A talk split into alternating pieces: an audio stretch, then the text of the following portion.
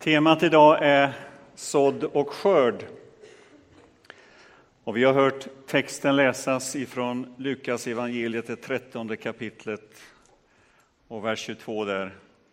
Ha det gärna uppslaget om du vill följa med i den texten. Det är på sidan 740. Den här bilden av sådd och skörd är ju begriplig. Och inte ens för en fiskare är den obegriplig. Det jag sår får jag skörda. Det finns någon slags naturlag i det. Någonting som eh, finns som en nedlagd lag i, i skapelsen. Och det är ju så också att varje människa är en åker. En åker där grödor sås. Och vi är mottagare hela livet utav intryck, influenser, information, påverkan. Och det sås av alla möjliga slag in i våra liv. Och det här kommer ju ingen ifrån utav oss, utan vi är ständigt utsatta för den här informationen. Och det är ju extra aktuellt i vår tid när vi är hela tiden uppkopplade. Överallt, när som helst, hur som helst. Man jämförde med någon som på bara 1700-1800-talet tog emot information mot oss idag som tar emot information. Och det vi får på 20 minuter, det tog en hel livstid på den tiden att få del utav. Så mycket har informationsflödet ökat och vi är ständigt utsatta för denna information var som helst. Och det är ju vår stora utmaning. Hur hanterar vi detta? Hur urskiljer vi detta informationsflöde? Vad är det som bygger upp mitt liv? Vad är det som drar ner mitt liv? Och där ligger vår stora utmaning. Vad låter vi växa? Och vad låter vi inte växa? Detta är ju också det stora med människan. Hennes förmåga att kunna just urskilja, att kunna säga ja och kunna säga nej. Att människan är myndig att fatta beslut. Att människan har den oerhörda förmågan och styrkan att säga ja och nej. Och samtidigt som jag säger det så, så vill jag betona och stryka under vikten av en gemenskap i detta urskiljande. Hur viktigt det är med människor omkring sig att fatta rätt beslut.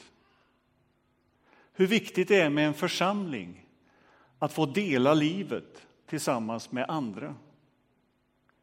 Att få försöka förstå tillsammans vad som är Guds vilja, vad som är framtiden för mitt liv, vilka vägval jag ska stå inför, vilka beslut jag ska ta. Vi behöver hjälp till det och vi behöver goda vanor till det. Och vi behöver vägledning att förstå Guds vilja, att säga ja och att säga nej. Den här texten som vi har läst, Lukas evangeliet 13 från vers 22, det är ju en, en utmanande text. Och det som står på spel i den här texten är ju Guds rike. De här starka bilderna som betonas av innanför och utanför att vara med på festen eller att missa festen. Det är att det handlar om förhållandet till Guds rike. Att inte ta emot Guds rike. Att inte låta sig påverkas av riket. Att inte ta in dess tänk, dess kvaliteter, dess värderingar i sitt liv. Det beskrivs i evangeliet så allvarligt att det handlar om att förlora sitt liv. Och det positiva i det är ju att vi måste säga till varandra hur viktiga våra liv är. Att våra liv, våra beslut, våra vägval har betydelse. Att det är viktigt med livet här och nu. Inte bara där framme, utan just nu i den här stunden, i det här ögonblicket, den här dagen, den här veckan. Det ligger ju inte i tiden riktigt att tala om risken att gå evigt förlorad. Och det är ju det som den här texten talar om. Vem vill se någon utanför? Vem vill se någon gå evigt förlorad? Och hur kan vi förena bilden av en kärleksfull Gud med tanken på att några hamnar utanför och andra innanför? Och det är ju det som är den stora frågan i den här texten. Och texten inleds ju med att någon, vi vet inte vem, ställer en fråga. Och frågan är ju ungefär så här. Är det inte så, Jesus, att det ordnar sig för alla till sist, egentligen? Är det bara några få som blir räddade? Är det på det sättet? Och det Jesus säger ju inte att nej, så är det inte, utan alla kommer att det ordnar sig för, utan han beskriver, inte bara i den här texten, utan i många andra texter, den här oerhörda utmaningen och allvaret i att gå förlorad. Och det är ju texter och en frågeställning som vi bara inte kan hoppa över. Där Jesus varnar för det scenariot. Samtidigt som det finns texter som talar om att många kommer att stå utanför en gång så finns det ju också väldigt många texter som talar om Guds stora kärlek och att Gud vill rädda alla människor. Det finns ett stort Guds ja över varje människa och över varje människas liv. Texter som säger att Gud har beslutat att försona allt med sig. Allt på jorden och allt i himlen. Och I Romarbrevet skriver Paulus att Gud har gjort alla till olydnadens fångar för att han skulle kunna förbarma sig över alla. Eller också i Romarbrevet, där synden är stor, där överflödar nåden ännu mer. Och frågan är, vad väger tyngst? Människans nej eller Guds ja? Och den frågan får vi ju inte svar för en gång vi står i Guds rike. Och Jesus säger ju själv i texterna att han går och letar tills han finner. Han säger att han ska dra alla till sig. Han säger att han ber för sina bödlar att Fadern ska förlåta dem. Och är det då tänkbart att en sån bön förblir obesvarad? Och när Jesus talar om innanför eller utanför eller när han skildrar den yttersta domen så tror jag att vi i första hand ska uppfatta det som att han vill att vi omvänder oss. Att vi tar emot evangeliet, tar emot riket och blir räddade.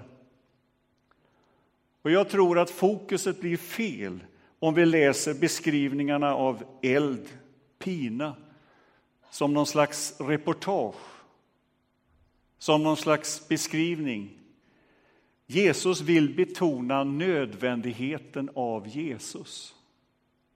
Nödvändigheten av att ta emot Guds rike. Det är där betoningen ligger. Jesus talar om möjligheten att gå förlorad, och det måste vi ta på allvar. Men betoningen är evangeliet, de glada nyheterna. Att Gud är här och har placerat sig nära varenda människa. Och han har försonat hela världen. Och det gäller på något sätt att hitta det, att förstå det, att se det. Jag måste erkänna att det här talet om innanför och utanför, det skaver i mitt inre. Det stör mig. Jag får det inte riktigt att gå ihop, att ta in. Och samtidigt så, som jag säger det så är jag övertygad om att vi en gång med facit i hand kommer att bli överraskade. Och det framgår ju också i den här texten. Att Guds rike har större verkningskraft än vad vi tror. Att de som är först ska bli sist och de som är sist ska bli först. Och om du läser den här texten så märker vi att i slutet på texten så öppnas det en, en bred famn på något sätt. Öster och väster och syd och nord ska människor komma ifrån och sitta till bords i Guds rike. Och den aningen, den bilden, den visionen, den triggar mig.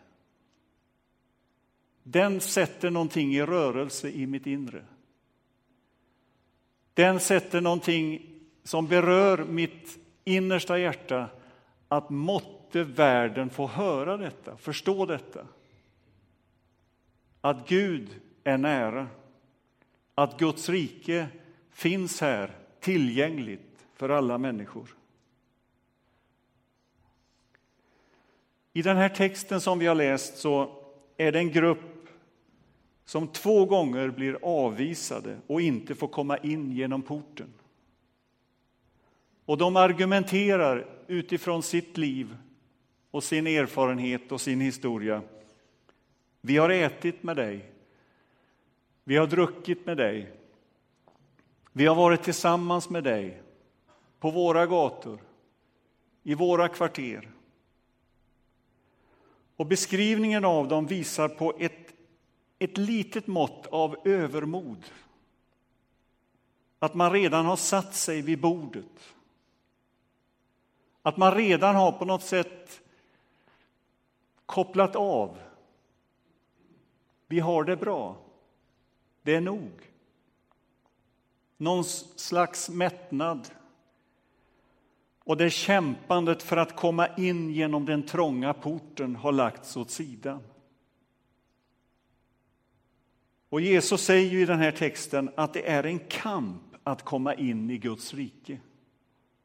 Det är inte enkelt. Det kostar. Därför att det finns så mycket som vill få oss passiva. Det är så mycket som vill irritera och störa.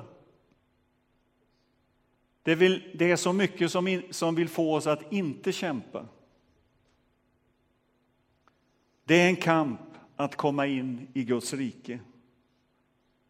Och igen, det är därför vi behöver varandra. I andra texter som talar om just det här scenariot som finns i den här texten så beskriver Jesus att det är mötet med den fattige, den utsatte, den fängslade och den hungrade.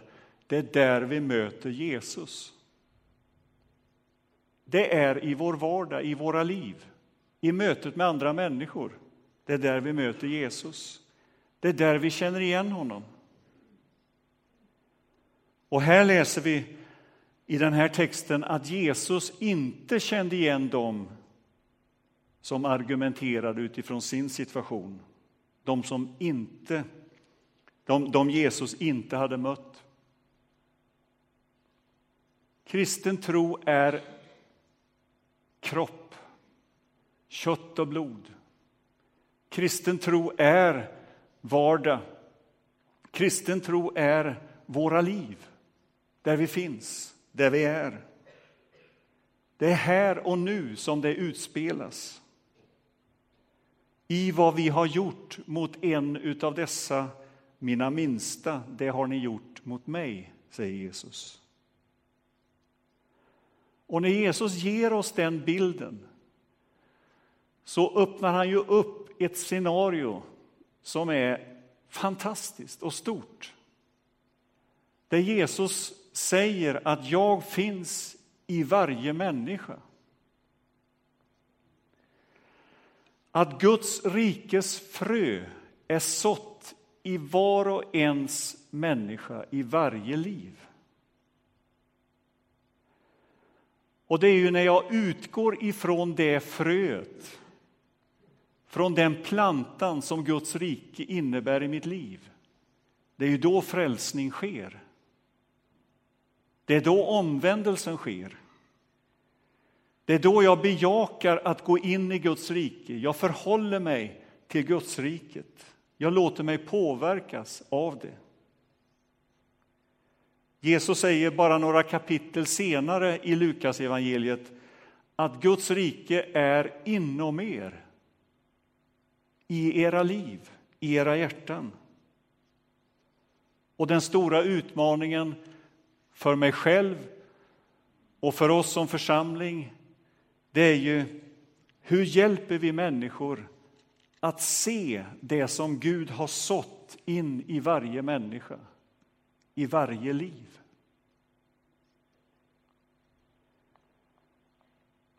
Det är en bild som jag vill dela med er som jag fick eller som jag har läst i en bok eh, och som har tala till mig inför den här predikan. Det var en gång en skulptör som arbetade hårt med hammare och mejsel på ett stort, stort marmorblock. Och bredvid honom står en liten pojke och tittar på hur han arbetar. Och den här pojken ser bitar falla av till höger och till vänster. Och han hade egentligen ingen som helst aning om vad som pågick. Och när han återkom efter någon vecka så såg han till sin förvåning att det stod ett lejon där marmorblocket var. Och så säger han till den här som arbetade på det här marmorblocket. Hur kunde du veta att det fanns ett lejon inne i marmorstenen? Och då svarar den här arbetaren. Jo, jag såg det först i mitt eget hjärta. Och det märkliga var, och hemligheten var, att lejonet i mitt hjärta kände igen lejonet i marmorstenen.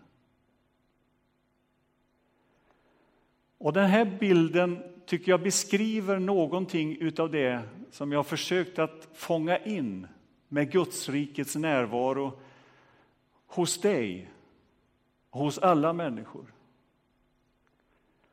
Att Gud känner igen någonting i ditt liv. Han känner igen egentligen allt. Och att du och alla människor egentligen anar att det finns någonting inom mig som kanske är oförlöst. Någonting, en längtan, en törst, en hunger efter någonting större, mer fullkomligt.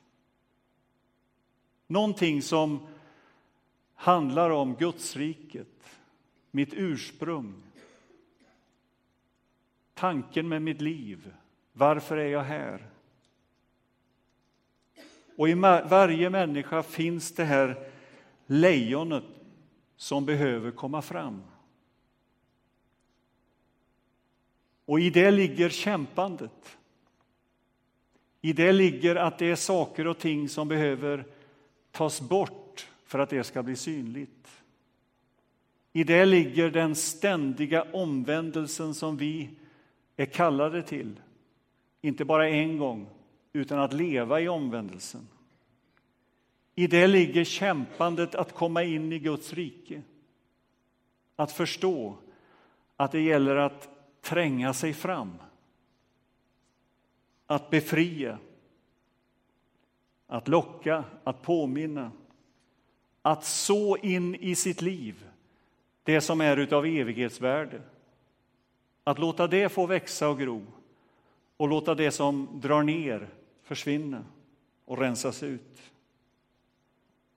Och en gång ska vi se resultatet. Och den bild som målas upp i den här texten, det är ju den framtidsvision som Bibeln är fylld av. En framtid tillsammans med Abraham, Isak och Jakob och så lägger Jesus till alla profeterna. Då ska vi se dem. Och så går han vidare och säger om människor från öster och väster, från norr och söder ska ligga till bords i Guds rike. Och när vi alldeles strax ska dela nattvarden tillsammans så är ju den måltiden en påminnelse om den stora festen i Guds rike. En föraning om det vi redan här nu kan ana och förstå vad Gud har tänkt för alla människor. Och jag sa förut att detta triggar mig. Och jag önskar att det ska få större och ber om att det ska få större konsekvenser i mitt liv, i, mitt, i min kärlek till grannar, till arbetskamrater, till vårt uppdrag som församling i den här världen, där vi står och där vi finns. Och det får vi be om och ta emot. Amen.